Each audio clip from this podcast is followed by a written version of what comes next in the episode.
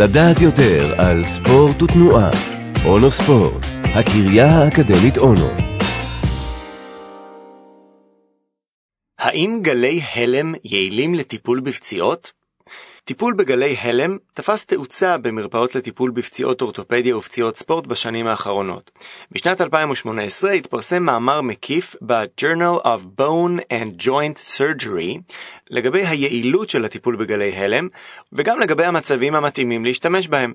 את המחקר הוביל דוקטור דניאל מויה מבית החולים הבריטי בבואנוס איירס.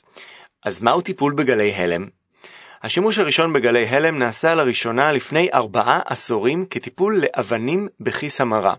מאז הטיפול התפתח וכיום משתמשים בו לבעיות שונות.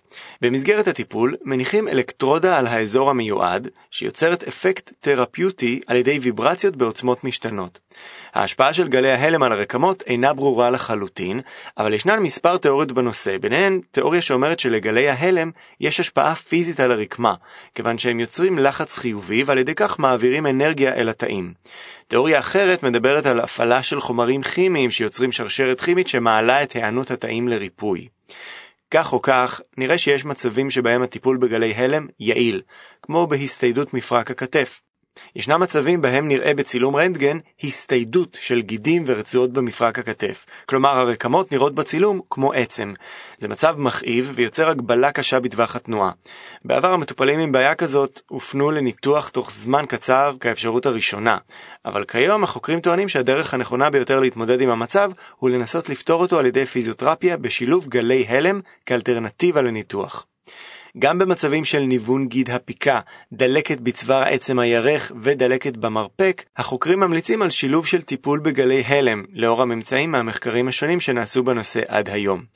במחקרים האלה התועלת בטיפול עולה על הנזק שעלול להיגרם. אבל השימוש הנרחב ביותר בגלי הלם הוא בטיפול בגיד אכילס ובבעיות של דורבן. אז מה החוקרים אומרים על היעילות במקרים האלה? ובכן, גם כאן הטיפול מומלץ כטיפול משלים לפיזיותרפיה וכמוצא אחרון לפני ניתוח. חשוב להגיד שלבעיות גיד אכילס ודורבן, החוקרים ממליצים על טיפול בעוצמה נמוכה עד בינונית.